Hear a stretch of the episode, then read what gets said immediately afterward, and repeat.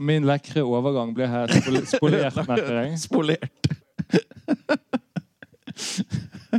Vil du ha spørsmål en gang til?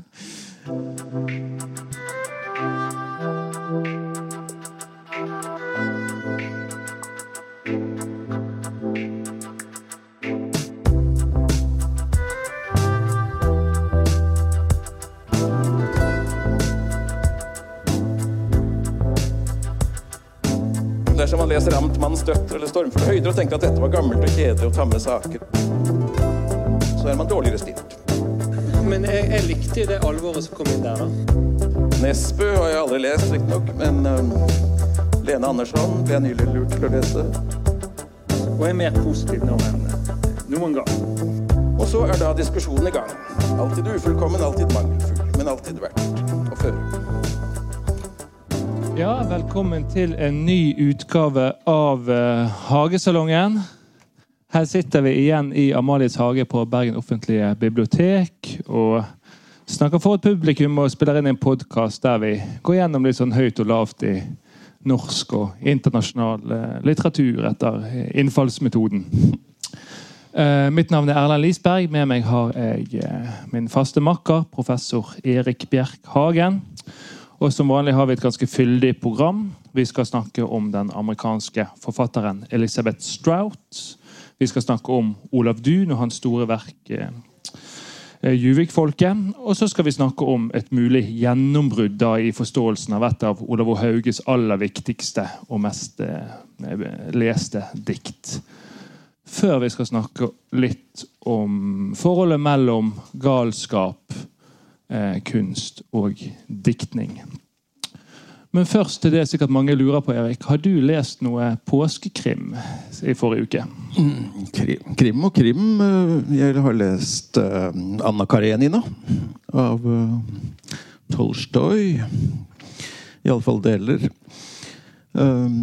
Så um, Ja. Kriminell det finnes jo, det, Den handler jo om alt, da. Så, så det er kriminalitet også. Ab, Ja. absolutt. Men um, det som først og fremst slo meg, det var um, at, eh, altså jeg leste en ny, relativt ny engelsk oversettelse fra 2000, tror jeg. Som finnes i Penguin. Og det slo meg at- det var en ny, ny opplevelse å lese Tolstoy. I ny, en ny og veldig god, um, Ja, for du har lest det før? oversettelse. På norsk. Ja. Eh, og det, ja, så, så sjekket jeg litt med, med den norske som jeg hadde lest. Det, liksom, det, det, det, er, ingen feil ved den, egentlig, men det er bare er et helt annet, annet liv med den engelske. ja, okay. En ny engelsk. Så den er flatere, rett og slett? Ja, det er helt umulig å finne feil i forhold til den engelske, men allikevel så er det noe helt annet. Ja, det er interessant når det gjelder oversettelsens uh, natur, og hvor vanskelig det egentlig er. Hmm.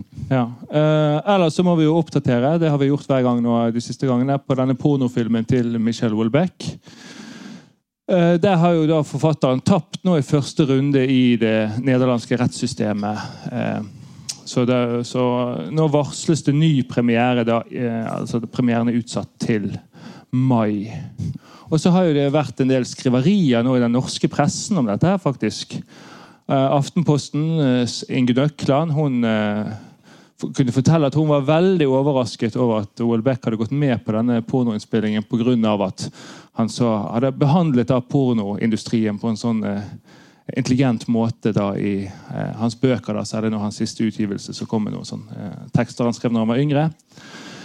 Eh, Mens Hilde Østby mente det ikke var overraskende at han hadde gått med på samme innspillingen, med egentlig nesten samme begrunnelse. Da at forfatterskapet nettopp da skildrer eldre menn i lengsel etter yngre, vakre kvinner på en ganske halvmisogynisk måte, tror jeg hun sa. Og at pornoinnspillingen bare var en forlengelse av dette. da. Altså denne eh, hendelsen da, som er da at eh, Michelle Rebecque skal spille hovedrollen i en eh, mykpornofilm.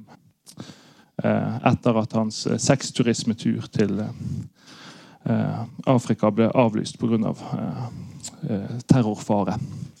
Men eh, det som er morsomt her, er jo altså Poenget er jo at det er litt tidlig hvordan man hele tiden med Welbeck Alle har liksom sin Welbeck, der man eh, eh, man tar sine egne meninger og, og, og, og holdninger, og så leser man det på en måte inn i litteraturen. da. hele, Det er alltid en debatt om man stiller ut noen posisjoner, eller om man sympatiserer med de samme posisjonene. Det har jo vist seg i f.eks. innvandringsdebatten. sant? Men nå, har, nå, må vi vel si at uh, de som mener at han bare stiller ut denne gamle mannen som eh, jakter på eh, fri sex med, mening, med, med, unge prostituerte, de som mener at det er bare en utstilt posisjon, de har vel nå en dårlig sak. Venter du at jeg skal si noe om dette? Ja, du vet, du vet. Det er ingen standpunkter. Eller, ingen standpunkter. Det er få, få, ting som interesserer meg. Eh, ja, men Jeg kan kanskje lure deg inn på noe. da, for Flere har jo påpekt nå at uh, Wolbecks nobelprissjanser nå er svekket. så no, Den prisen er du opptatt av. De skulle jo heller vært styrket, hvis man kjenner folkene som sitter i svenske akademien. Det var en vits, da. Vits, da. Har det ellers skjedd noe nytt i litteraturverdenen Erik, siden sist vi møttes i forrige måned? Nei, hva skulle det være? Har jeg skrevet noen? Jo, jo, Billy Dahl, ja. ja. Vår gamle venn Billy Dahl, som vi har nevnt stadig vekk. Tidligere professor i nordisk litteratur ved UiO. Nei, UiB. Og andre steder også. Men særlig UiB. Uh, uh, han har jo nå utgitt enda en bok. Han er 97 år gammel nå. Han ble det i, i, i uh, mars. Så nå sendte han meg sin siste bok om Toreborg Nedreås og hennes aller første roman, som var trykket, tidligere bare trykket i uh, Hjemmet. I uh, ukebladet Hjemmet i 1943, under krigen. Som en føljetong der. da. Aldri senere tatt frem igjen. Slett ikke av Nedreås selv, som ikke ville vedkjenne seg den. Den heter altså 'Piken som plystret'. Og den har nå Dahl skrevet en liten bok om. Piken som plystret. Og det er ikke en eh, gammel eh, utgivelse? utgivelse. Han skrev en ny utgivelse fra denne? Som han har skrevet som 97 år. Eller 96, ja, det er 96, imponerende. Så, så, det, noen står på til det siste. Han er eldre enn oss to eh, til sammen, han da? Ja, han er eldre enn oss to. Ja. Men, men, men, og den boken er jo, er jo nå lett tilgjengelig hvis man slår opp på hjemmet på på Bibsys, eller hva det heter. Så, eller Nasjonalbibliotekets sider. Så finner man sikkert frem til Piken som plystret også. Ja, Bibsys det er dette gamle biblioteksystemet til universitetet som de hadde på 90-tallet. Ja. Vi går videre.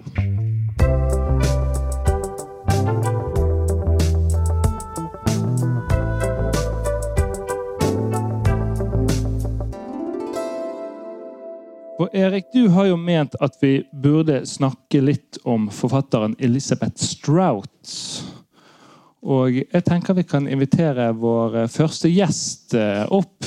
Samtidig som du svarer på spørsmålet hvem er Elisabeth Strout, og hvorfor skal vi snakke om henne?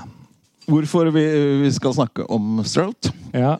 Jo, jo, nei, det, det er helt banale årsaker til det. Eh, jeg liker bøkene godt. Veldig godt. De fire bøkene om Lucy Barton, som vi nå skal snakke om. Den fjerde av dem er nå som den siste da, er utgitt på norsk også, i disse dager.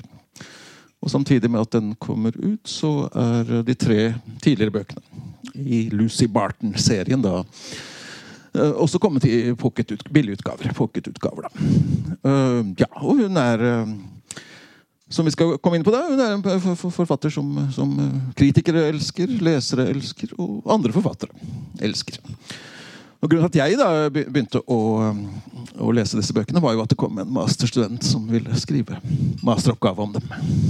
Nemlig Andrea Tungodden, som jobber med Elisabeth Strauss som hovedtema for sin masteroppgave i allmenn litteraturvitenskap ved Universitetet i Bergen. Og er vår Strout-ekspert. Velkommen, Andrea. Takk, takk. Hva er det som er så uh, spesielt med Strout?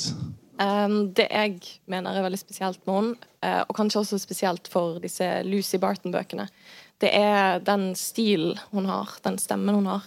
Um, når vi leser Lucy-bøkene, så føles det som om vi sitter i et rom med Lucy, alene i en slags intim samtale. Uh, der hun betror seg til deg uh, med ting som hun kanskje ikke engang ville fortalt til sine nærmeste. Og når hun forteller dette, så er hun samtidig usikker, eh, spørrende, kritisk og reflekterende. Um, hun er kritisk til seg sjøl og til sine egne minner uh, og til andre. Hun skriver f.eks.: I think I did, I don't know.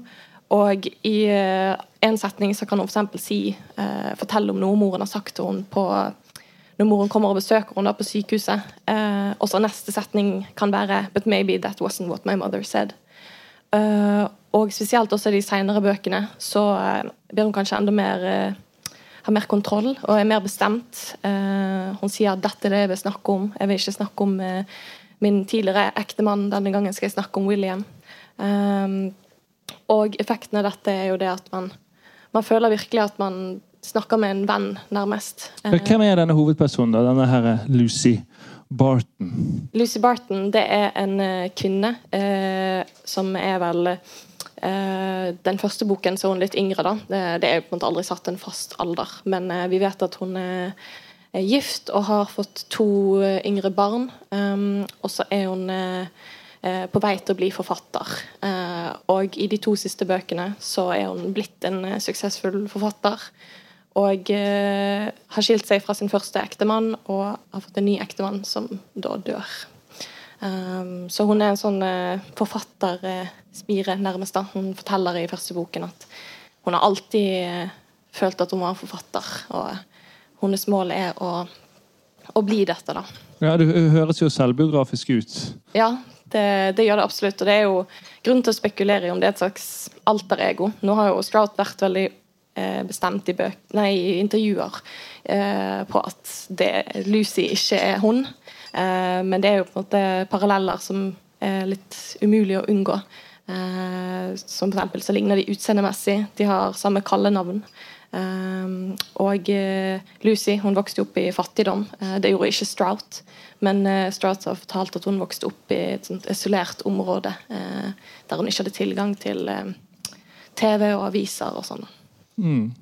Det var vel ikke disse her Barton-bøkene som gjorde det store gjennombruddet til Strout. Det var vel den der Olive Kitteridge sant? som uh, en annen, en annen uh, det, det er to bøker sant, i den serien, Ja. og så er den blitt uh, laget en sånn serie eh, basert på den eh, første boken. sant? Mm, mm. Eh, hvordan, hvordan skiller de eh, romanseriene seg eh, fra hverandre? Um, det er jo altså Olive Kitteridge var jo ja, det store gjennombruddet, på en måte.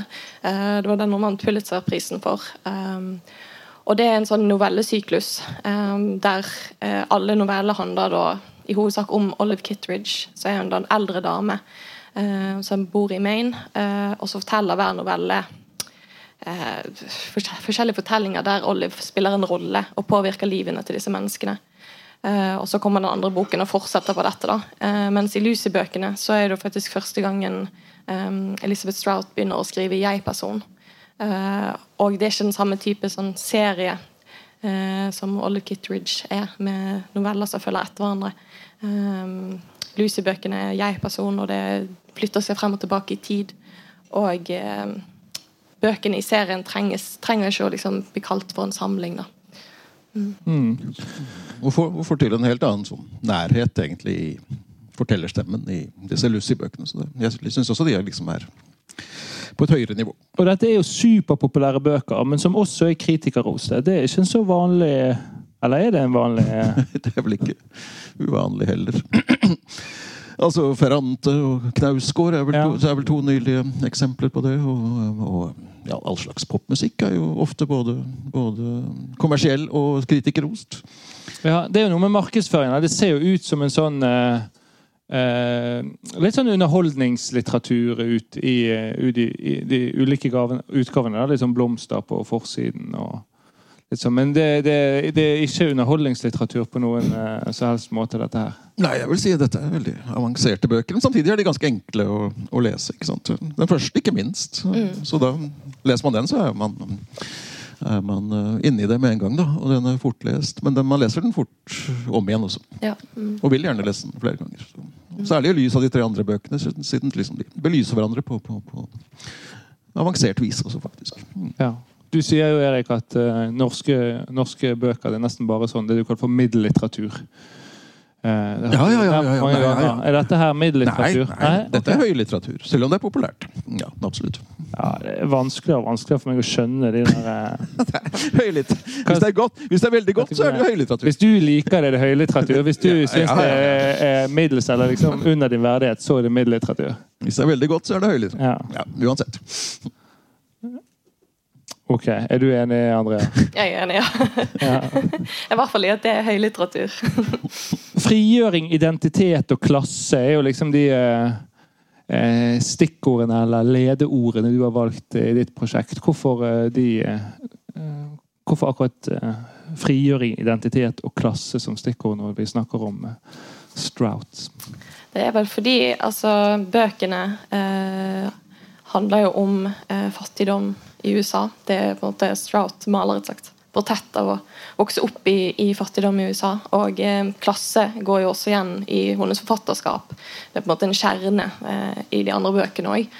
Um, men det er spesielt relevant her, fordi Lucy um, går gjennom en klassereise. Hun uh, vokser opp som fattig, uh, og så klarer hun da til slutt å komme seg til New York og bli uh, forfatter.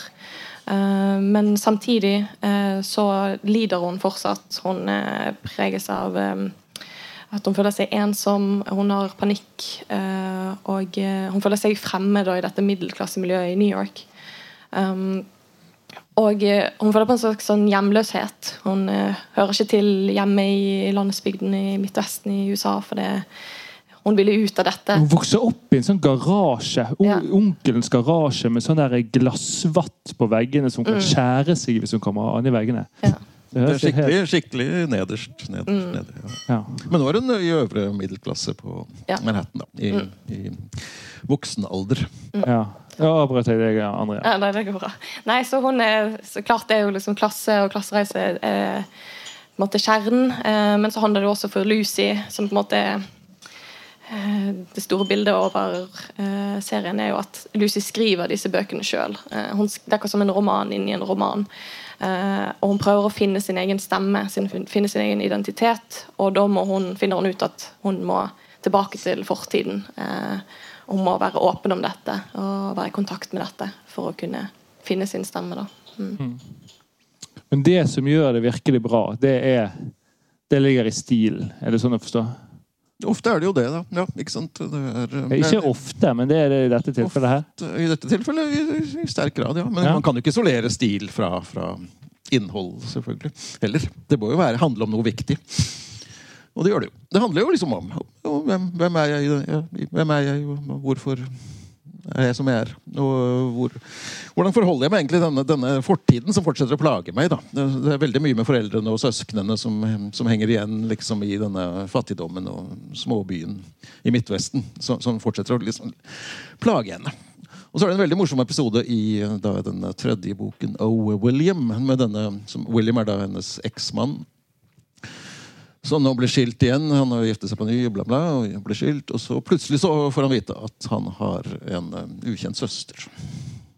Og at moren, som også da hadde var en veldig elegant dame, som som først og fremst har fått Lucy opp i verden, hun viste seg at hun har vokst opp i en tilsvarende fattigdom som Lucy. faktisk. Og Der er det en sånn skjult søster oppe i Maine. Så drar de sammen opp for å, for å møte denne skjulte søsteren. Akkurat den episoden der hvor de tre eller de to skal møte denne ukjente personen, det er, veldig, det er et slags høydepunkt, vil jeg si, i, i de, de bøkene. Ja, så man, man må begynne, begynne med nummer én, og så da kommer det store høydepunktet. Nei, jeg, altså, syns også det er veldig bra. Så veldig sånn lett å, lett og ledig i stil. Ja, selv du, som- selv du klarte å lese.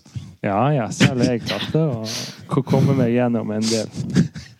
Hva med denne oversettelsen da til Hilde Røe Larsen? Har dere eh, eh, fått sett noe på den? Jeg har bare lest på, på engelsk. Den har fått veldig god, god, god omtale, så, så, så den skulle være god. Men det er Lucy Barton-bøkene. Hvis man skal begynne på Strout, så er det Ja, jeg vil si 'Jeg det. heter Lucy Barton'. Det er første, Ja. første inngang. Ja, jeg, jeg synes også det. det, det disse Olive Kittredge-bøkene som var veldig populære, da, og de også fikk jo alle slags priser. Men de er liksom gode på en mer alminnelig, alminnelig måte, vil jeg si. Disse er gode på en spesiell måte.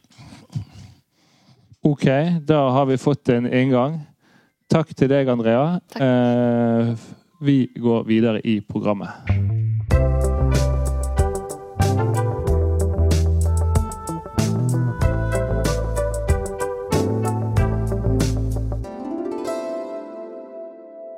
For som vi var inne på sist eh, kort, så er det Olav Duun-jubileum i år. Nærmere bestemt er det 100 år siden siste bind i den kanskje litt glemte trønderforfatterens storverk 'Juvik-folket' kom ut.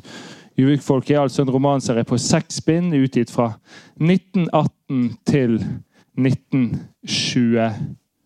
Tre. Det stemmer, Erik. Hva slags verk er dette? Uh, jo, Juvik-folket det er jo en stor historisk roman. Den begynner, uh, begynner rundt 1800 og går fremover mot 1914. Er det vel? Og den store krigen. Og det er jo en sånn stor slektskrønike da, med en sterk en sentral slekt i bygda der oppe i Namdalen, der, der Dun kommer fra. Han er fra øya Gjøa. Og ja, Det begynner med at det er, det er noen sterke, primitive, rasjonelle skikkelser som er litt sånn vikingtyper. Som er disse Juvik-slektene, som er opptatt av sin egen slekt mye. Og som tar seg til rette i stor grad, til i hvert fall disse høvdingtypene som det er en del av i den slekten. Men det er også mange, det er både litt heroiske skikkelser og det er, det er en del skurker i denne slekten også, kan vi, kan vi kalle dem. Men han er veldig kompleks i sin persontegning. Da, så det er aldri, sånn De blander seg, disse kategoriene. Heltene og, og, eh, og, disse skurkene. Da. På et sted så er det jo en av disse mindre heroiske som sier at det er alltid, Ofte er det jo to brødre som rivaliserer. Også. Han sier liksom det er en Stakkar og en mann i hver generasjon. Og, og, min bror Anders var ikke stakkaren. Så, så det er typisk.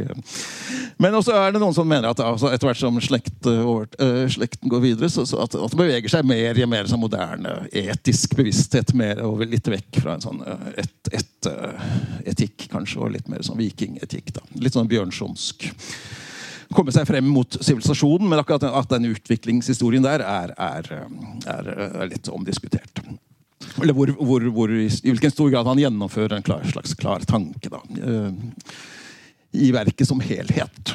Uh, ja, og så bare si to ord om stilen også, før, før eh, eksperten overtar. Og det er eh, at uh, Igjen så er stilen veldig, veldig, veldig sentral da, hos, hos Dun, i Duns kvaliteter. Den har liksom en veldig muntlig stil, full av dialekt, og den, er, den har en egen energi, altså. Og, og, og veldig foroverlent, livfull. og det avspeiler på en måte, måte, også hvordan eh, disse hovedpersonene er. De er veldig, de, de er, liksom, de er stressa, på en måte. Det er, de er, så, det er, så, mye de skal ha gjort.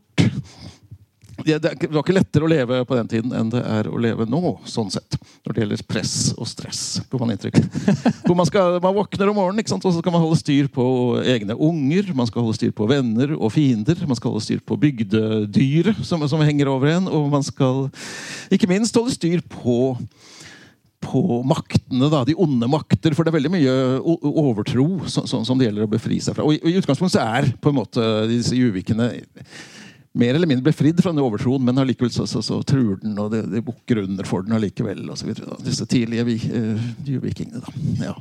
ja. vi får vel introdusere vår nye ja. gjest, da. Hemin Gujord, professor i nordisk litteratur og fagdidaktikk ved Universitetet i Bergen. og har bl.a. doktorgrad på nettopp Olav Duun og Juvik-folket. Og Du har også skrevet Olav Duuns biografi da, i forlengelsen av eh, dette. Velkommen, Heming. Takk skal du ha. Hva eh, synes du om eh, Eriks beskrivelse her? Nei, altså Eriks beskrivelser, de, de er, det er jo Innimellom er det fristende å opponere, men når han snakker om Dun, så er jeg stort sett enig.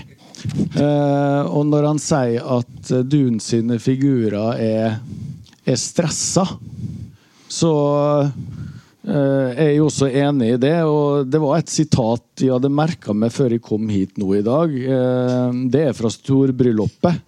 Som vi nå da, Det er tredje bindet da, Juvik-folket, som vi nå driver og leser meg gjennom. Og der står det Det er uroa som driver verket, både i klokka og i verda. Altså, det er veldig lite ro hos duen. Altså, det er, det er, det er labilt, da, for å bruke det, det ordet. Så det er, det er alltid noe å, å, å, å fortelle om. Og det er, det er gjerne det er gjerne uhygge. Uh, og ja, han, han, blir jo, han, blir jo, omtalt med rette som da både eh, psykolog og, og etiker. Eh, men det er jo mer problemstillinger enn svar, da. Og det er jo det da som gjør det til, eh, eh, til sterk litteratur. Ja, og, disse, og disse Dune-personene de ombestemmer seg hele tiden. Ikke? De prøver på et eller annet, og så, så får de motstand, og så, så endrer de prosjekt. og så, så vet de de vet ikke helt selv hvem de er, og de, de, de, de slåss også mot seg selv. Da, på en måte. Vi må begynne enda litt med grunnleggende. kanskje da. Altså, hvem, ja. hvem, var Olav Duun, og hva er det som kjennetegner han som uh, forfatter? Ja, Hvem var Olav Duun? Altså, uh, Da jeg ble invitert på dette her, uh, til hit, takk for det, da tenkte jeg at det her blir jo nesten som å stille på muntlig eksamen 15 år etter at en forberedte seg. jeg ga altså da ut den biografien her i 2007. Eh, så det er da min huskelapp. Eh, men hvem var, hvem var Olav Duun? Altså, eh, først og fremst så var han jo da en sterk forfatter. Jeg, mer, altså, jeg liker jo bedre å snakke om sterke forfattere da, enn det her med høyt. Da. Men altså, Duun var en sterk forfatter. Ja.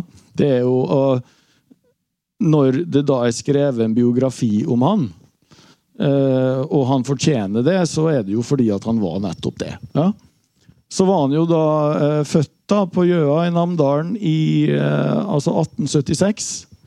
Han var jo en bondesønn. Han var odelsgutt. Eh, ingen mener at det var en uh, ulykke at han ikke tok over gården. Det mente han ikke sjøl heller.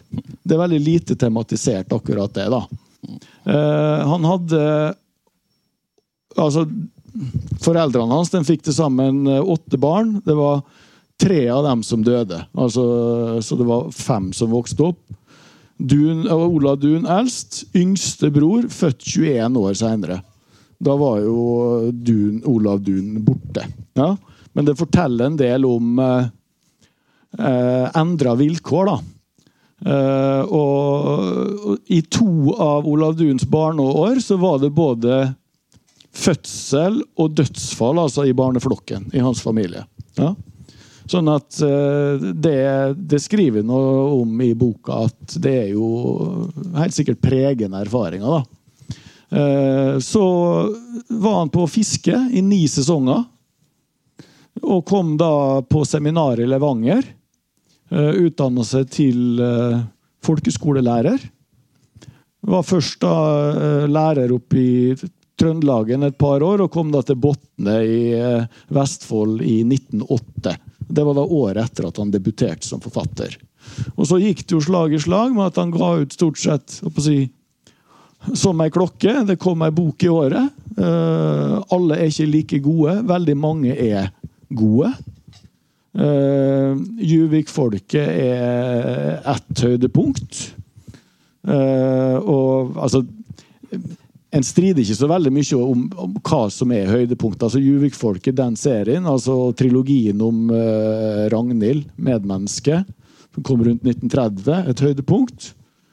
'Mennesket og maktene', siste boka i 1938, er også et, et høydepunkt. Ja. Så øh, øh, øh, Og så, har, så, er han da en forfatter som, som nok har vært mer respektert enn lest. Men, men, veldig til stede i offentligheten, og veldig tradert også i teateroffentligheten. da.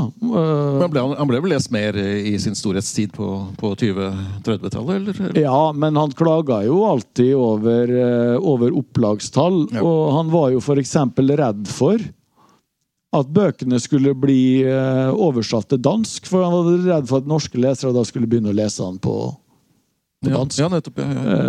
Uh, uh, for han, han, han, skriver jo da uh, han, han, skriver jo altså, Eller Erik og jeg, vi, vi, vi, vil jo også være enige om at ei bok som 'Juvikinger', f.eks., første boka i Juvik-folkeserien, det er ikke noe vanskelig bok. Det er ganske kontant.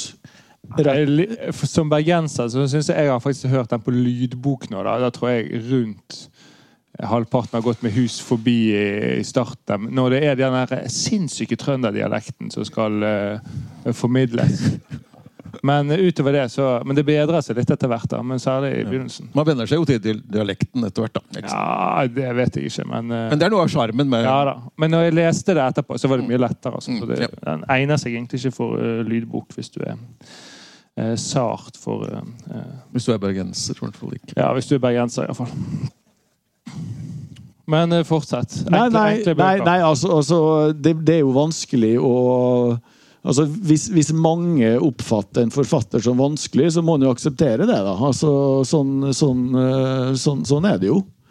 Eh, nå, da, i forbindelse med det her, så Når det er så lenge siden jeg jobba intensivt med Dun Altså, i, i 2007, da jeg ga ut den her, da da hadde jo jobba med Dun i 15 år.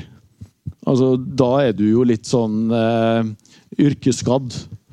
Eh, no, no, så jeg var litt spent på hvordan blir det nå å ta det her opp igjen. Men altså, Juvikinger den satt med en gang.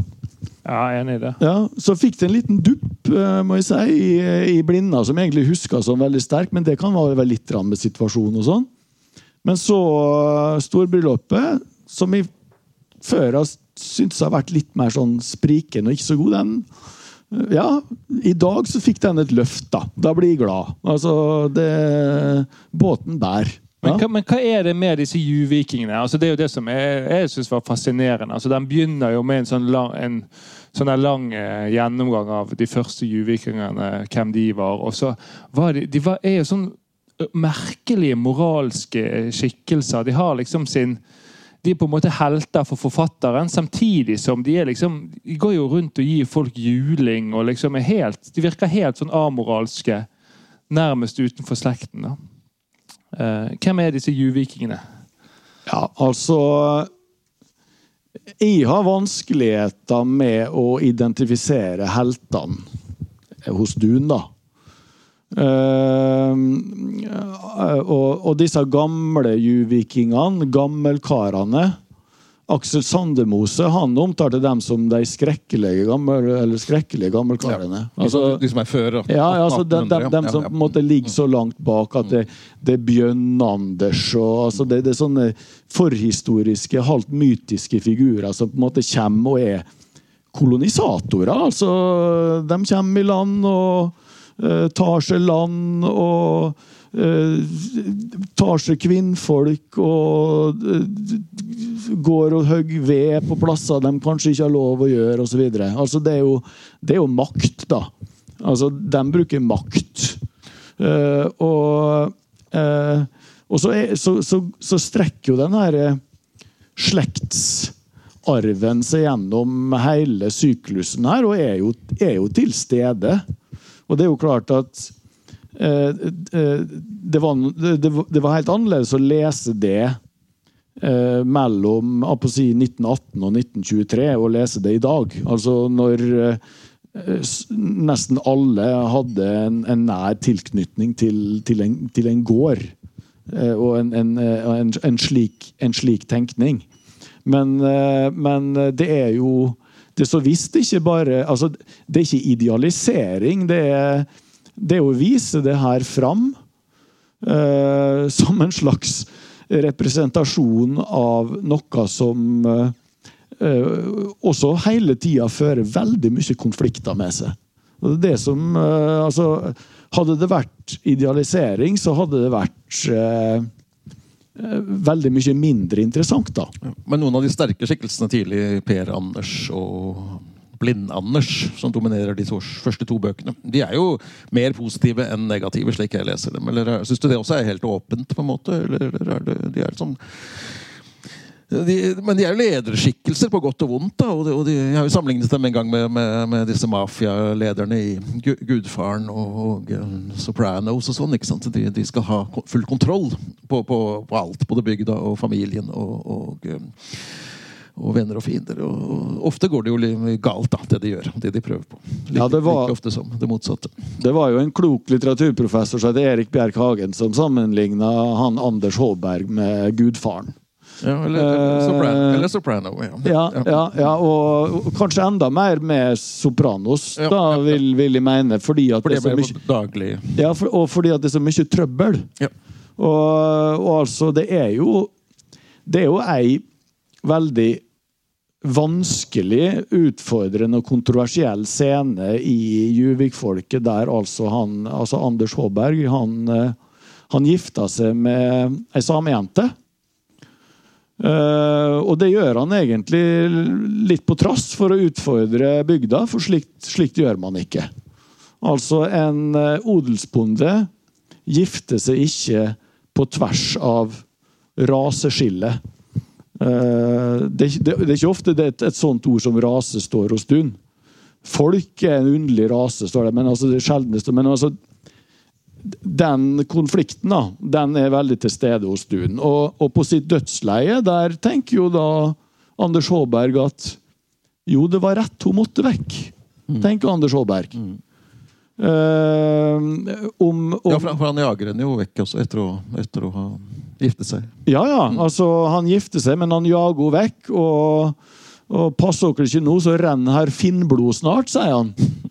Og så er det jo bror hans da, som sørger for å utløse ei steinskrei, sånn at, altså steinras, sånn at hun altså da blir, blir drept. Men det er broren hun egentlig er forelsket i? Kan ja, men det, tramper over broren litt? Sånn, ja. ja. og det er jo den typiske rivaliseringa ja. du veldig veldig ofte ser hos Dun mellom disse mellom, eh, Gjerne mellom brødre, da. Eh, det, det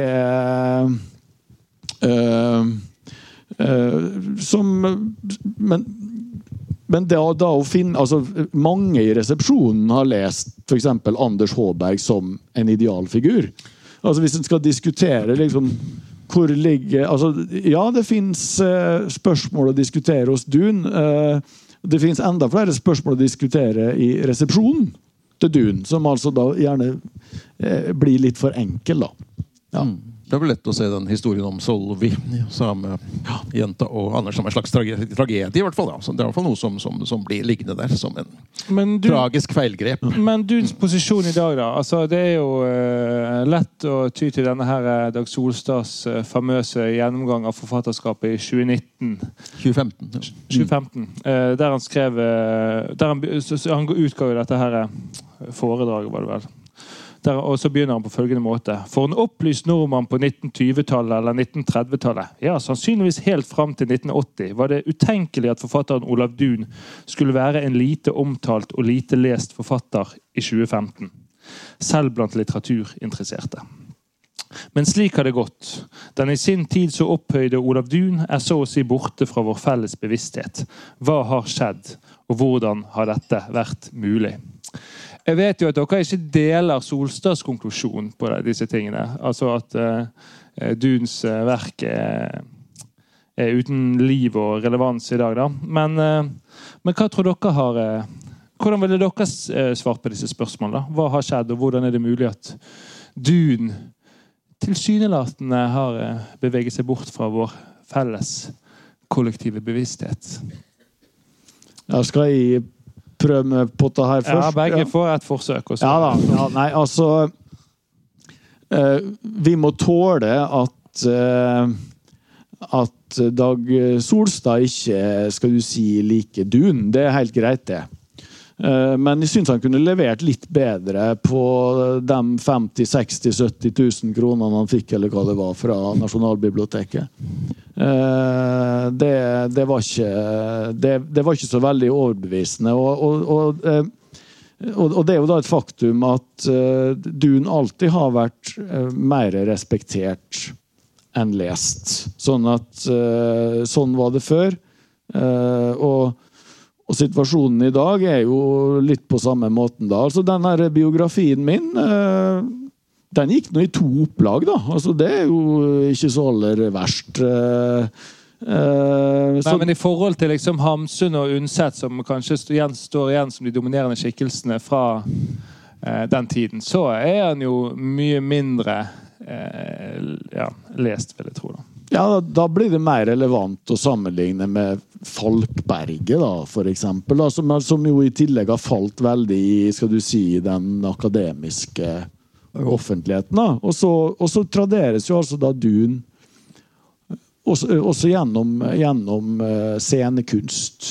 Sånn så uh, hva slags forventninger skal vi ha til at uh, forfattere som skrev for 100 år siden, skal være så synlige i dag? Nei, altså, jeg er ikke med på at det står så, så dårlig til. Nei, Nei altså, altså no, no, Det er klart, ganske klart etter mitt syn, og antagelig etter ditt syn, at Udun er jo på nivå med, med, med Undset og Hamsun. Det er det som er sammenligningsgrunnlaget, og der kommer han godt ut.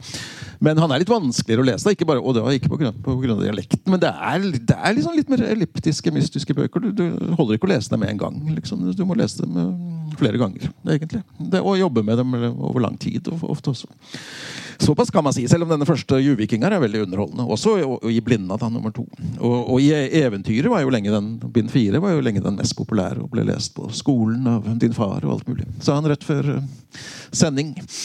Så uh, og altså, jeg, Hvis jeg får tid til et veldig kort sitat fra Arnulf Øverland, midt, midt på 20-tallet, som har skrevet en, stor, en liten bok om, om Dun etter at Juvik-folket var over senere riksmålshøvdingen ikke sant, Øverland, så han skrev, skrev da, den gangen En rikere og skjønnere, klangfullt malende og mer lunefullt og lykkelig instrument for menneskelig ånd og følelse finnes ikke enn det dunske språk.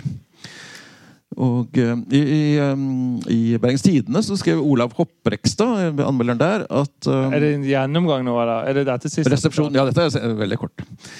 Altså, altså dette fåordige leikende tverrkast med tanken, disse kåte, bråhogne innkast, skallen som gret med det ene auga og ler med det andre, det er en rikdom og ei skifting som aldri fanns hjå nokon annan bokmann. Det var anmeldelse av I Blinda fra 1919. Det er store ord, og det, etter mitt syn så er det, er det riktig. Dette er riktig å si fortsatt. Så det betyr at det, det er ikke Duns feil at han ikke blir lest. Det er folks feil. Det får bli siste ord om Dun.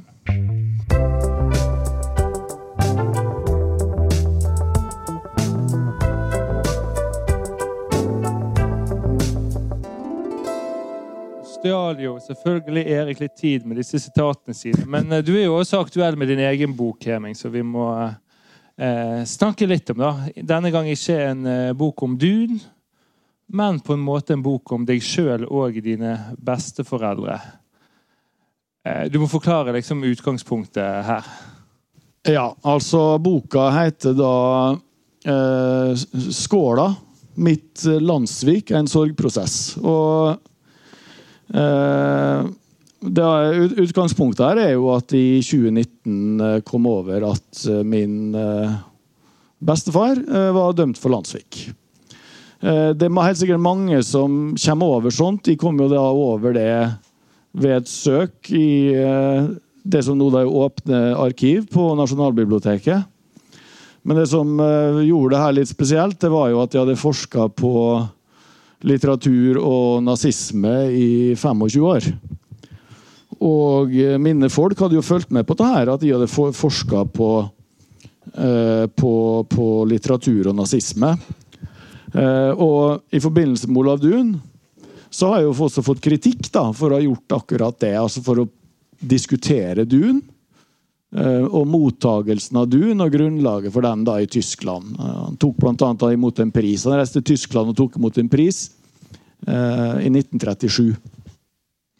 Så eh, da jeg fant ut det her, så ble jeg eh, eh, forbanna fordi at eh, jeg ikke hadde fått vite om det før. Eh, og så var jeg veldig veldig i tvil eh, om hvordan jeg skulle håndtere det. både som familieperson og som og som litteraturforsker. Ja. Altså, jeg har fått kritikk. Altså, det var en, en, en uh, annen velrenommert litteraturforsker i Norge han kalte meg en gang for, altså, til meg altså, for nazijeger. Uh, og jeg, uh, jeg, tror ikke han mente det som et kompliment. og, så jeg måtte, jeg måtte, da forholde meg til det her, da. Og det har da det har resultert i da, at de har bearbeida det uh, i ei bok. som uh, uh, har blitt lest av lesere fra 12 til 95 år. Og i hvert fall fra Norge, Sverige, Finland, Tyskland og Russland, som vi vet om. Sånn at det er en viss interesse for, for, for, for det her, da. men det er ikke uh, det, det, det, er ikke helt enkelt uh, å, å, vite hva som er rett å gjøre i en sånn situasjon, men, men Olav Duun er jo med her, da. Altså, og bestefaren min, som jo var både litterært interessert Som både var en leser og en skriver. Altså jeg, leser jo også dikt av han, da, tolker dikt av min bestefar i boka her. Han, han ble veldig glad når jeg begynte å studere nordisk. Slutta på Handelshøyskolen og begynte å studere nordisk. Det var klokt. Ja, spurte han meg hvordan går det med Olav Duun. spurte han meg. Ja. Uh, og Så snakka vi litt om det, men altså Vi hadde hatt andre ting å snakke om òg. Og jeg fører jo en samtale med han inne her, da. Uh, som da er en, selvfølgelig en, uh, en oppdikta dialog, da. Eh, men eh, eh, boka er i hvert fall, i hvert fall ute. men jeg venta da til min min eldste onkel Han er født i, født i 34. Jeg venta til han var borte før jeg ga ut boka. Ja. Interessant. Eh, vi må videre, rett og slett.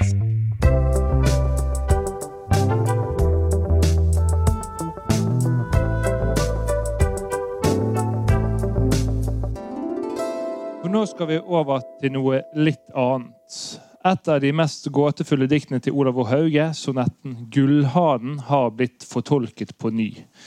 Diktet, som gjerne blir fremhevet som et slags nøkkeldikt hos Hauge, vel, er er nok et av de det er skrevet aller mest og forsket aller mest på. Og Det hevdes jo å være så nøkkeldikt at det fremstiller et slags Dette her får vi en ekspert å gå gjennom senere, men en slags kontrast hos Hauge da, mellom liksom denne her gullhanen som galer i Miklagard, altså det norrøne navnet for Bysants, som knyttes til dikteren, og så dette barnet som kommer eh, Eh, hjem til sine foreldre, da, som man kanskje knyttes mer til bondesønnen og fruktdyrkeren eh, Hauge. Dette er jo ikke noe dikt som har vært noe lett dikt å fortolke. Flere som har forsøkt, har vel kommet frem til at nettopp denne motstanden mot fortolkning har vært noe av diktets kvalitet. Men nå har altså en ny fortolkning kommet på banen i form av en artikkel i litteraturtidsskriftet Edda en ny tolkning som kanskje løser mye av gullhanegåten. Og Mannen bak denne lesningen har kommet opp til oss nå, stipendiat i nordisk litteratur. Velkommen, Fredrik Parelius. Tusen takk. tusen takk. Før vi, eh, du skal få si noe mer enn de ordene, så tenkte jeg vi skulle høre eh, Gullhanen. Og en liten disclaimer til de som hører på, er jo nå at jeg har delt ut dette diktet Eh, til publikum eh, sammen med et maleri og et annet annet Haugedikt til et Astrup-bilde og et annet maleri. Så det kan være greit å følge med på det underveis på samtalen etterpå. Da. Her er altså Hauge selv som eh, leser 'Gullhanen'. Det er den sene Hauge som, eh, den eldre Hauge som leser. Dette var jo fra da gjennombruddssamlingen til Hauge som kom i 1956. Så det er kanskje lest litt annerledes nå på dette klippet enn det, det ville blitt gjort tidligere. Gullhanen. Og jeg var longo død, død i mitt skall, og gol som gullhane i Miklagard. Jeg levde onde, hørde skurr og svar og strei imot, og holt let selv sjels gal. Til draumen skok me vak, ei festgull natt, so hamen fall, og glansen vart til støv. Eg ei dør i heime, huset søv, og barnehjarta slærat selt og brått. Eg stend med hand på klinka inn til mor og far. Ser månen skin på slete golv. Du vart så lenge, kjem det, utan ord. Bak rømdi røde sorgi tungt sin koll. Så slepte draumen meg. I gullsmidd jord, for keiseren eg atter gol og svor. Ja, Fredrik, kort sammenfattet, eh, hvordan har dette les, diktet blitt eh, lest eh, tidligere? Eh, jo, eh, som du var inne på, så har jo diktet blitt lest som en slags aporin, en slags uløselig gåte, eller at, i hvert fall at det, det gåtefulle ved diktet har vært sentralt i veldig mange av lesningene som har vært gjort. Men så er det jo også noen uh, sentrale allusjoner i diktet her som, som, har vært utgangspunkt for tidligere lesninger. Annet at åpningslinja 'Og jeg var lang og død' viser til Edda-diktet 'Balders drømmer'. Uh, og at uh, Hauge i dette diktet helt tydelig alluderer til William Butler Yates sine dikt 'Bysantium' og 'Sailing to Bysantium'. Uh, men um, likevel, da, uh, sjøl om man har de her uh, intertekstene å hjelpe seg med, så, så, har jo diktet forblitt gåtefullt. Altså det, det, er alltid nye problemer eller nye ting ved diktet som, som uh, man ja, fester seg ved og undrer seg over. Og det har liksom blitt fremhevet som en del av diktets store kvalitet? Ja, absolutt. Og, og enkelte òg har, har på en måte motsatt seg at diktet skal fortolkes, og heller fremhevd at her er et dikt som, som bare må oppleves i sin billedsterke eh, helhet. Liksom. Det skal ikke plukkes fra hverandre, det skal liksom få lov til å være i fred som en sånn slående eh, ja, et slående kunstverk. da. Men så ser du plutselig et bilde, et maleri av eh, Nikolai Astrup. Nei, eh, så enkelt er det nok ikke. jeg har jobba lenge med dette diktet, og jeg, har jo holder på med en avhandling om eh, bl.a. Olav og Hauge. Eh, så jeg har jo hatt lyst til å skrive om dette diktet lenge, men, men, som dere har nevnt, så er det jo et dikt som har vært veldig mye diskutert. Så det å eh, skulle ta fatt på det Da må man på en måte ha noen noe nye poenger å komme med. Og jeg har jo følt at jeg har vært på sporet av noe nytt og funnet noen nye intertekster eller allusjoner. Og, og, litt sånn ting har gått litt sånn smått fremover. Men um, jeg vil jo si at hvis vi skal snakke om noe gjennombrudd, så tror jeg kanskje det første Det, det kanskje gått litt etappevis, da, men at det, det første gjennombruddet kom når jeg stilte meg jeg følte at jeg hadde jobba lenge med diktet, men, men, stilte med spørsmål. Men, men, hva er det jeg ikke forstår her? Altså, Hvor er de gåtefulle punktene henne? Eh, og hvordan kan de fortolkes? Og da kom jeg frem til at eh, det er jo særlig spranget mellom det, det, her er jo da en sonette, så den har, eh, den har to kvartetter og to tersetter. Og de to første strofene er jo da de her kvartettene. Og spranget mellom den første og den andre, altså det sceneskiftet fra Miklagard til den her drømmen, barndomsscenen, er jo er det første gåtefulle punktet. og der der er det i tillegg da noen eh, semantiske utfordringer. altså sånn eh, Rent betydningsmessig. Hva betyr 'men hålt let selv sjelskal'? Og Der har jo eh, tidligere fortolkere sett til Yates og, og lest det her i, i, retning av hans dikt, hvor eh, det nettopp er en sånn autentisitetsproblematikk. Eh, og og da at den selde sjelen er, er Gullhan som selger sjelen sin, sin, til keiseren i Miklagard, og liksom får lov til å være eh, udødelig kunstner i bytte mot at kunsten da er en slags form for hoffpoesi, altså noe inautentisk. Men jeg, jeg kjenner jo igjen ordet 'seld' fra andre plasser. Eh, og brukt, annen, eh, brukt med litt annen betydning. Eh, annet hos Olav Duun, som, som, bruker her ordet. Hvor det å være selv er en sjelstilstand, altså en tilstand man kan være. Du kan være selv, altså du kan være henført, bortrykka eller fortapt. Og denne eh, litt sånn tvetydige eller eh, motstridende betydninga av ordet selv følte jeg var et viktig punkt. At, at dette diktet ikke handler om autentisitet i så måte, men det handler om denne bortrykkelsen som det å være hane medfører. Eh, og så er jo da spranget mellom å være i denne bortrykka, selde tilstand eh, over i denne drømmetilstand. Altså til drømmen skok meg vak ei festgul natt. Det er jo også paradoksalt at man våkner fra noe som ligner på en drøm, men da blir vekt av en drøm. sånn at det er på en måte drømmen her som er det klare øyeblikket i diktet. Hvor jeget som utsier diktet, på en måte blir identisk med seg sjøl her. Og det her skjer da ei festgul natt.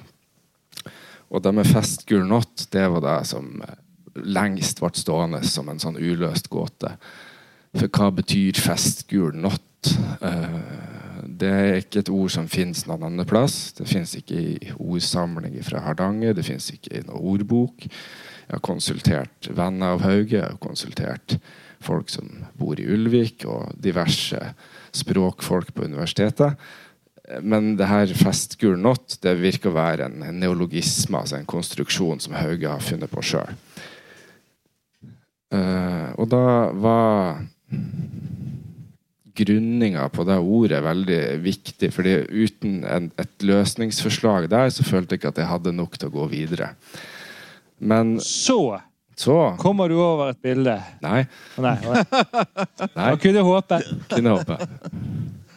Historien må gå sin gang her.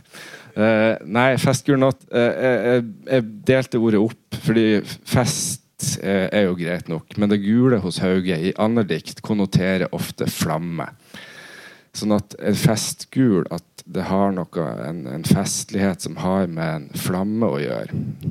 Eh, da, da, kom jeg på sporet av noe. Da, da, tenkte jeg at ok, kanskje har, har Festgul Natt mest med barndomsscenen å gjøre, og mindre med Miklagard å gjøre. For det, er den retninga fortolkninga tidligere har gått. Mm.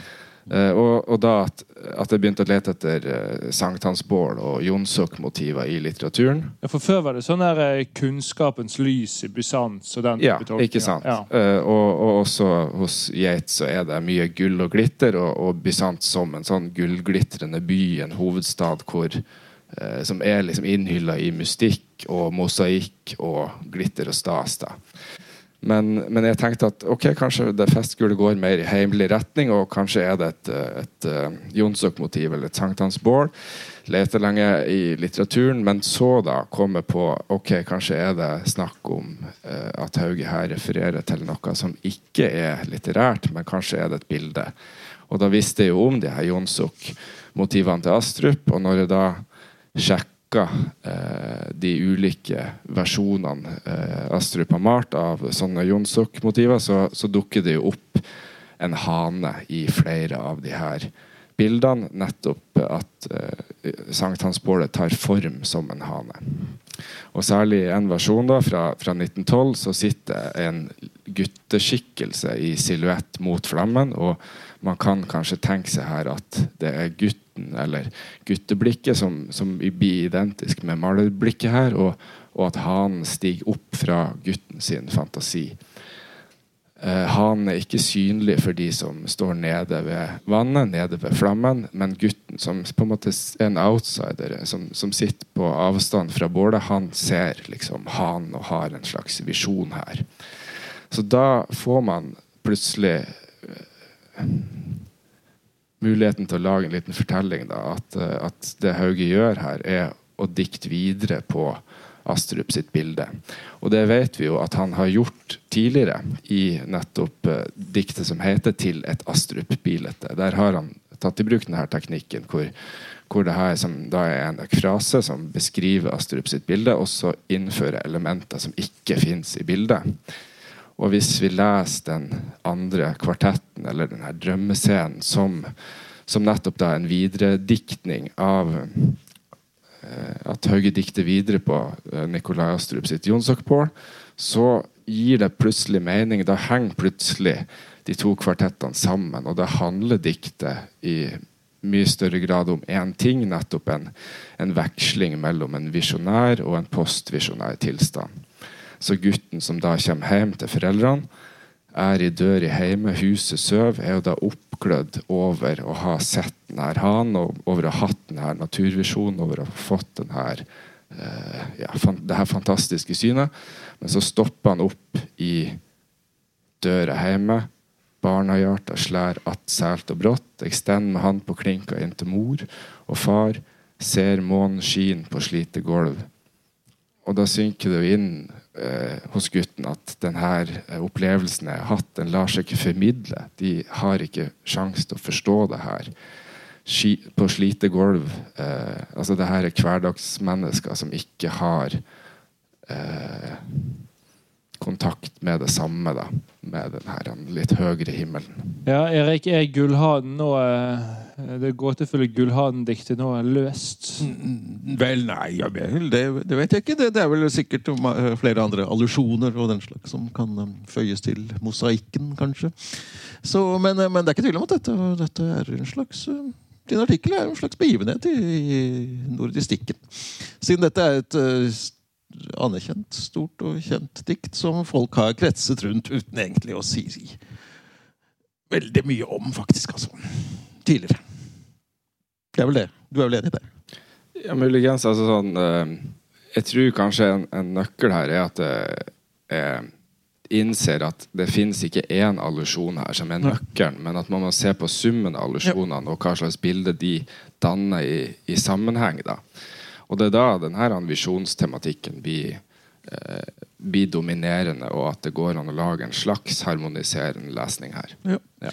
Men det er jo lett å kjøpe den argumentasjonen til Fredrik om at dette her altså, altså Alle ser jo at det er en gullhane. Ja, så man kan ikke se bort det bildet. Og det endrer jo hele, hele måten man har tenkt på. Ganske sentrale deler av diktet. Sant? Når Gullhanen er sett her, så er det, er det sett en gang for alle. Ja, sant? Ja, ja. Man kan ikke bortse den. Nei, da, men det, det der diktet da på en måte blir en ekfrase, da, som, eh, som du skriver. Altså et eh, ekfrase, hva er det? Et dikt som eh, beskriver eller dikter videre på et annet kunstverk. er vel noen sånn Ja. slags definisjon. Um, blir diktet da litt sånn dårligere pga. at du mister dette gåtefullet? Nei, jeg vil si at det er noen gåter igjen her. Og jeg vil jo også fremheve at uh, selv om du ikke får deg bilde av netthinna, Erlend, så er det jo ikke sånn at det her er noe annet enn et forslag. da. Altså, Det er jo ikke sånn at uh, det ikke går an å komme med andre mulige tolkninger her. Ja, men Da må du nesten bevise at Hauge ikke har ja, kan, Vet du at han har sett det? Bildet? Jeg vet at Hauge eide ei bok hvor bildet eh, sto i, og den boka er eh, antagelig kjøpt inn i 1954, altså to år før, før diktet kommer, og at Hauge i sine dagbøker skriver om, eh, om Astrup i, i 1954, i, i samme periode som han jobber med diktet, og samme periode hvor også faren hans ligger og dør, og faren jo også, dukker jo også opp i, i diktet her forbundet med sorgen. Så der leser jeg jo inn en sånn biografisk komponent, blant annet. da. Men gullhanen er funnet nå, altså. Det er klart. Men, men uh, selvholdtlighet, selvsjelsgal osv. kan selvfølgelig muligens tolkes på Men flere måter, og andre, og, og så videre. Men Heming som eh, professor i nordisk litteratur eh, Altså, det fins Man vet at Hauge har skrevet eh, dikt, eh, sonette, til eh, Astrup-bilder før. Man har et dikt som heter 'Gullhanen'. Eh, Astrup har en haug av bilder av et eh, Eller flere bilder av et Jonsokbål som eh, portretterer noe som alle ser er en hane. Dette er ikke det tydeligste eksempelet. Nei, men det, det her eksempelet så har den, den avgjørende gutten. Ja, ja, ja. ja, Så det her har det, det riktige perspektivet, og det også den versjonen som står i boka Hauge Ja, eide. men mitt poeng er, når alle disse tingene foreligger, er det ikke da veldig rart at så mange har holdt på med gullhanen og vridd seg i og rev, vridd seg i smerter og revet seg i håret, holdt jeg på å si. Og så at ingen har sett eller påpekt dette før. Ja, altså Ikke til forkleinelse for Nei, eh, men Parelius. Nei, altså det, altså Fredrik har sett det. Uh, og uh, veldig fint uh, at det også da blir løfta fram av Klassekampen, altså som en, som en som en begivenhet. Altså, det er et helt sentralt dikt i, i nyere norsk lyrikk.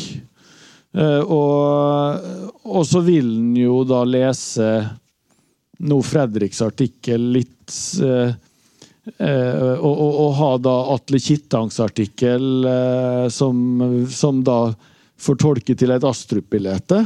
Eller altså 'Vårnatt i hagen', som er eh, og, og da vil en jo også se store forskjeller både på, på, på dikta og på, og på lesingene. Altså 'Vårnatt i hagen' og til et Astrup-billete. Det er mye mer eh, avslutta og nærmest sånn innegjerda. Eh, både, både dikt og fortolkning. Mens eh, Fredrik her, han eh, han, eh, han, han, han, han kobler oss inn på noen nye spor, eh, og så lar han gåta få, få leve videre. Og, og noe annet tror jeg jo nærmest ville vært umulig, gitt akkurat det her, det her diktet. Men altså, det er nok mange som tenker ja. Selvfølgelig. Men altså, nei. Det, eh, eh, det har ikke vært sett. Så godt sett når det blir sett. Ja. Ja. Skry, skryt deg av. Vi forlater Gullhanen, men ikke helt Hauge.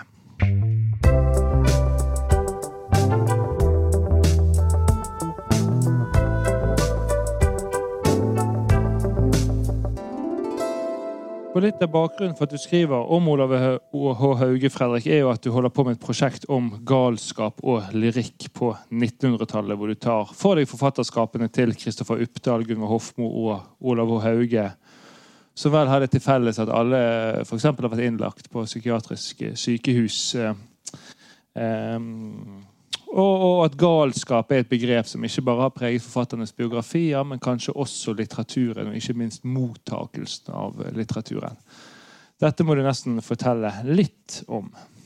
Jo, eh, det er nå greit oppsummert, det du sier der, egentlig. Og eh, det som er viktig for meg, er jo kanskje hvordan denne tradisjonen i litteraturen, eller særlig da i, i lyrikken, eh, som knytter sammen nettopp galskap og lyrikk, eh, fungerer som en forståelsesramme for de her dikterne når de skriver sin poesi. At de eh, på et eller annet slags vis identifiserer seg som gale poeter og forholder seg til eh, litteratur skrevet av andre gale poeter. At det er en sånn litterær tradisjon nærmest som de skriver seg inn i, og som de ser sine egne forfatterskaper i lys av, og at deres diktning på et vis blir forma av synet som allerede fins på galskap og litteratur. Sant? At det er en sånn form for selvforming der.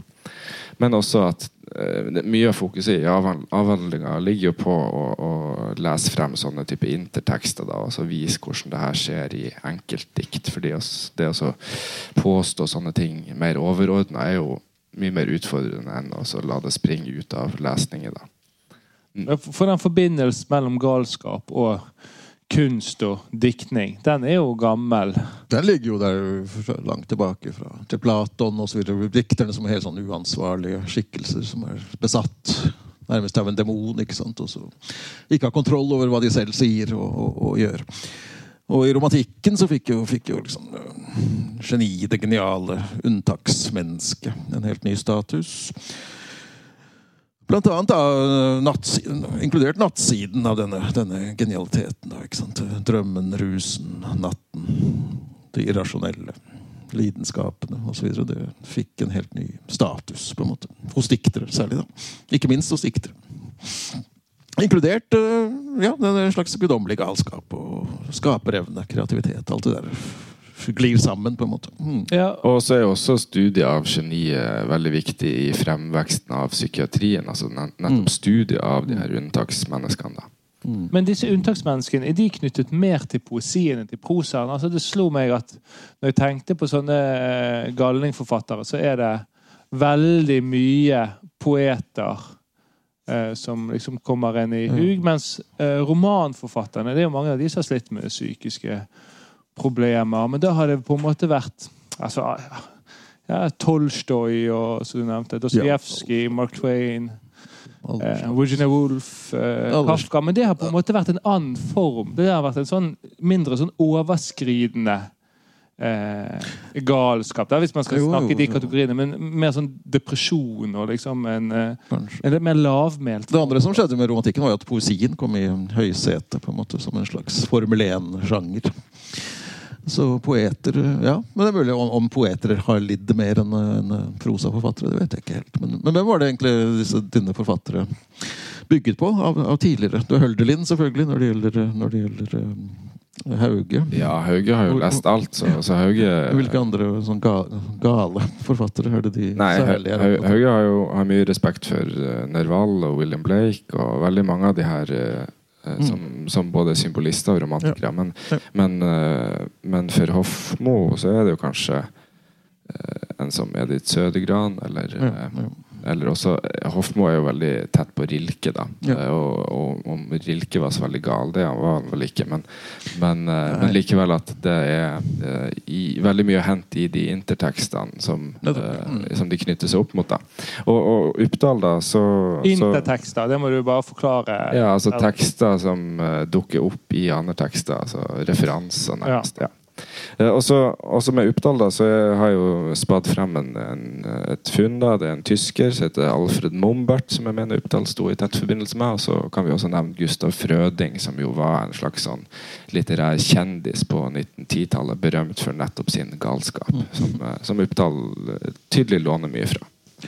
Men det at inntrykket at det er så mye galskap eller psykisk uh, lidelser, eller ut, ja, hva man enn skal kalle det, i forfatterstanden, er det av at det er overrepresentasjon, eller er det også noe med at vi som lesere og kritikere og forskere er opptatt av det og liker å på en måte lese litteraturen i lys Begge deler. I kjølvannet av romantikken så ble det jo ikke Da oppstår det på en måte en slags uh, dikterideologi, eller uh, diktermytologi, ikke sant, hvor man skal leve opp til også Både lesere og forfattere selv vil at man skal leve opp til uh, romantiske myter om galskap og, og det irrasjonelle og den, den sånn halvgale genialitet.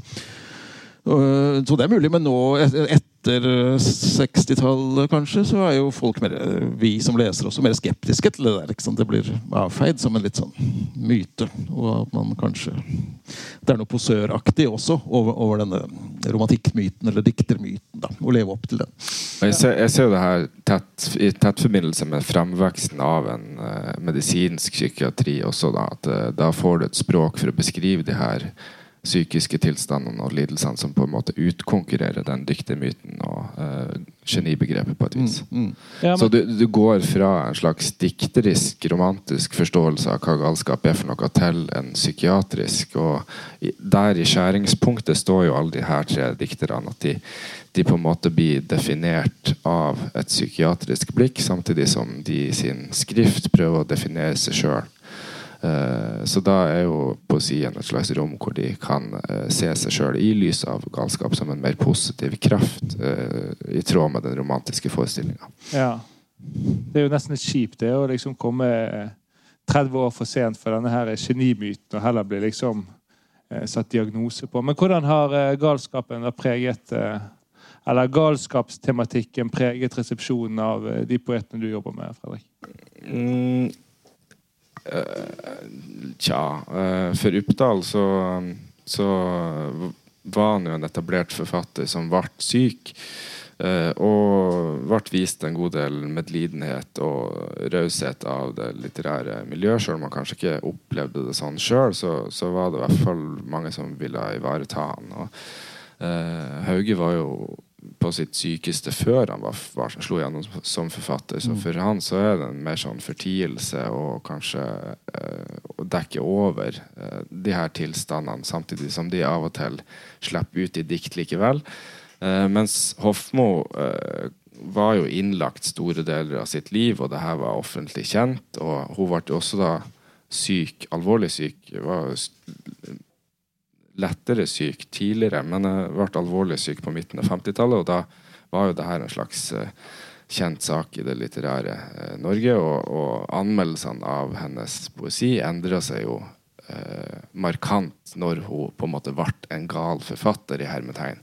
Eh, blant annet da at, eh, at sånne høymodernister som Paul Brekke og Erling Kristi og dess like, de, de, går fra å tenke på henne som en forbundsfelle, en som har lest T.S. Elliot og blitt inspirert, og her er det en tragisk abstraksjon eller en ny livsfølelse av, i kjølvannet av andre verdenskrig, eh, til, å, til, at de innser at ok, hun, hun, mener faktisk det her hun skriver. Hun, hun, ser verden på den måten.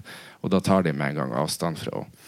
Uh, så da, da, er hun på en måte plutselig uh, altfor privat eller altfor Eh, besvergende, eller de bruker sånne litt eh, ja, halv, halvnegative ord da, i, i, sine anmeldelser. Rammet det særlig den siste uh, av disse fem første diktsamlingene? Fra, som vel kom i 55? Eller? Det rammer, rammer, de to fra 54 og 55, ja. ja Men ikke så mye de senere? Dette at hun ble frisk igjen? Nei, de, de, eller, de, eller, de faste anmelderne av Hofmo og Odd Solumsmoen særlig da klager jo i i eningen over at hun er for innadvendt og for privat. Og det leser jo i lys av hennes eh, galskap eller status som gal forfatter da, at eh, det er kanskje ikke gjort et forsøk på å trenge inn i de diktene på ordentlig måte, sånn som man ville gjort hvis hun ikke hadde den mm. der mm.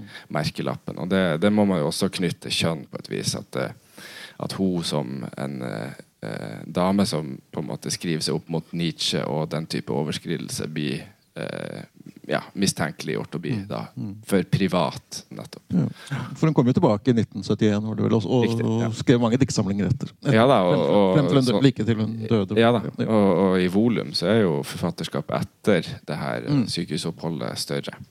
Men fra den, de gale forfatterne til den gale professor Vi har én spalte igjen. Eriks topp fem. Var den god? Hvordan var den god? Hvorfor var den god? Hvor mange fullkomne Ibsen-skuespill finnes det? Ikke så mange.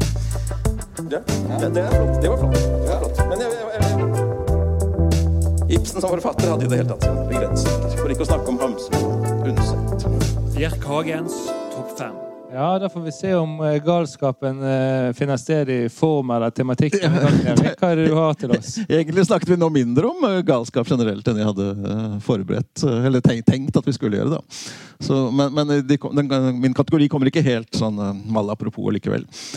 Uh, så det må jo være altså, ikke dette, altså, Med inspirasjon, uh, galskap uh, Alt det der flyter jo over i hverandre. ikke sant? Den, og roman, den romantiske myten, diktemyten og alt det der. Så, så, hvem er det som er preget av dette? da, ikke sant? Av prosaforfattere? For poeter er det jo så mange, mange av, så jeg holder meg til prosaen denne gangen. Altså, altså, også hvis han skriver på, på, med, mer på inspirasjon og, og, og liksom en slags guddommelig kreativitet. da, Mer, mer, mer enn en, denne mer rasjonelle uh, vei ja, til litteraturen. Jeg skjønner. Ja, Det er det som er, er gjennomgangsmelodien her. Så På femteplass får vi da uh, Thomas Espedal, for å ta en av de nye. Som jeg tenker på som en, veldig, en sånn intu, en som skriver på intuisjon i, i, stor grad. Han Det gir inntrykk av at, at, at, når han er på det beste, beste hvert fall, at, at at han bare han bryr, seg, at han bryr seg ikke om han gjentar seg selv, f.eks. Han skriver jo stort sett samme boken hver gang. ikke sant? Og, men det bryr han seg ikke om. Han, skriver, han, må tilbake til seg selv og til Skytterveien og Øyjorden og, og, disse stedene der. Og det er da han liksom, det tar av for ham. da, ikke sant? Og, igjen og igjen. Og det er, han kan ikke hjelpe det, på en måte. Can't help it, som det heter. Bedre. Ok, Den evige Hamsun Jeg angret jo veldig sist gang at jeg hadde med Hamsun som en sånn mannlig kvinneskildrer av rang. Nei, det var, det var litt det var, det var en feil. Ja. Det hadde jeg dårlig tid, så jeg skulle hatt med Prøysen i stedet. Jeg slo, slo meg etterpå. Hamsun, Dun. Ut med Prøysen. Men Dun var med. Dun? Dun var med. Ja, ja, ja, ja, Inn med Prøysen, ut med Hamsun forrige gang. Men, men nå men nå, nå, kan Hamsun være med likevel. Okay. Han er allstedsnærværende. For han er jo en slags selverklært romantiker. En romantisk villmann. Det ville han jo være fra, fra disse første foredragene han holdt rundt 18, 1890 og med sult. Og, og, sånn holdt han på hele livet, egentlig. da. Han gikk også i psykoanalyse faktisk da, før han skrev en av sine beste bøker, bøker 'Landstrykere'. Enten var han ble frisk nok til å skrive, skrive landstrykere, eller om det var psykoanalysen som gjorde ham gal nok til å Enda galere. Som gjorde at han da fikk et kreativt løft med den, da. Som, som, som alle er enige om at det, at det, at det var. Det, det, er litt uklart. Uh, men, uh, men, uh, men, det ubevisste det er liksom Kunsten skulle velte opp av det ubevisste. Det var hans eksplisitte program. Og det gjennomfører han på et vis. Selv om bøkene hans er jo subtile, subtile og utspekulerte nok. Nummer tre. Ja, ja. Det kommer. Det kommer. Og, ja, en som ikke har vært med før, tror jeg. det er de samme navnene som har en tendens til å gå, gå igjen. Da, men, men. Ja, jeg har inntrykk av det, ja. Men da har vi jo Hamsun-eleven Johan Borgen, ja. som også skriver faktisk mye om, om uh, psykisk sykdom og jeg-splintring osv. På, på, en, også personlig måte, ikke bare ut fra sånn, som en sånn modernistisk uh, ideologi, da. I, i, særlig sine to beste romaner, 'Lillelord' og 'Jeg' fra 50-tallet. Og Der får man inntrykk av at han faktisk risikerer noe ved å skrive de bøkene. Og det er ikke alltid man får det uh, når man leser norske romaner, men, men faktisk Borgen han, han bør leses, leses, mer, tenker jeg. Uh, da risikerer han, og da går han inn i, i sine, egne, sine egne nevroser osv. Og så en av mine favoritter, da, som, som, alltid dukker opp eller på overraskende vis. Uh, Inghild Johansen. Som uh, hennes beste bøker også er preget av en veldig sånn dobbelthet mellom et veldig sånn uh, Veldig sånn kontrollert ytre. Formen og setningen er liksom filt og perfekte. og, og og veldig normale. Men under der så er det et voldsomt kaos som presser på denne, denne ytre formen. Så, så der, der, er det også en veldig interessant spenning altså mellom en form for primitiv galskap, for å bruke det ordet. Altså I kreativ form, ikke, men ikke personlig. Ingenting om hennes person, men bøkene har denne primitive galskapen i seg på, på ofte skjult måte. Ja, og Hvis nummer én nå er Bjørnson, så legger vi ned spalten. Ja, nei, det er det ikke. ikke det. Skjønt Bjørnson ville han, han, ja. hatt mange diagnoser ikke sant? i dag. Han ville fått en hel haug med diagnoser. Men det vil også den, jeg nå trekker frem, da, som ikke er en, egentlig en prosaforfatter primært, kanskje, men var det også. nemlig selvfølgelig den som må være med her, da. Den virkelig guddommelige gale av alle norske forfattere. Det må være Henrik Wergeland. Den store poeten fra, altså, så, så, så, fra disse tidlige Stella-diktene til, til de fabelaktige dødsleiediktene. Det villeste av dem heter 'Brasiliefarten' og er tilegnet dronning Josefine av um, Sverige.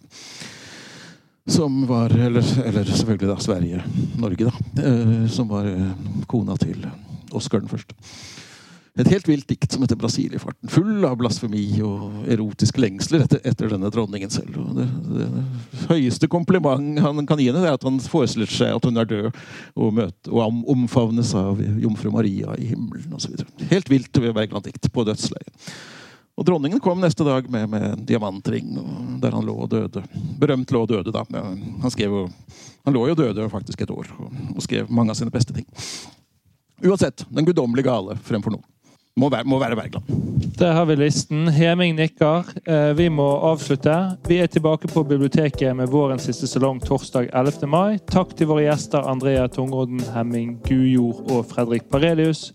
Takk til Pål Vindenes som lager jinglene vi spiller, og takk for, til alle som kom og hørte på, og til du som eventuelt hører på podkasten. Takk for oss.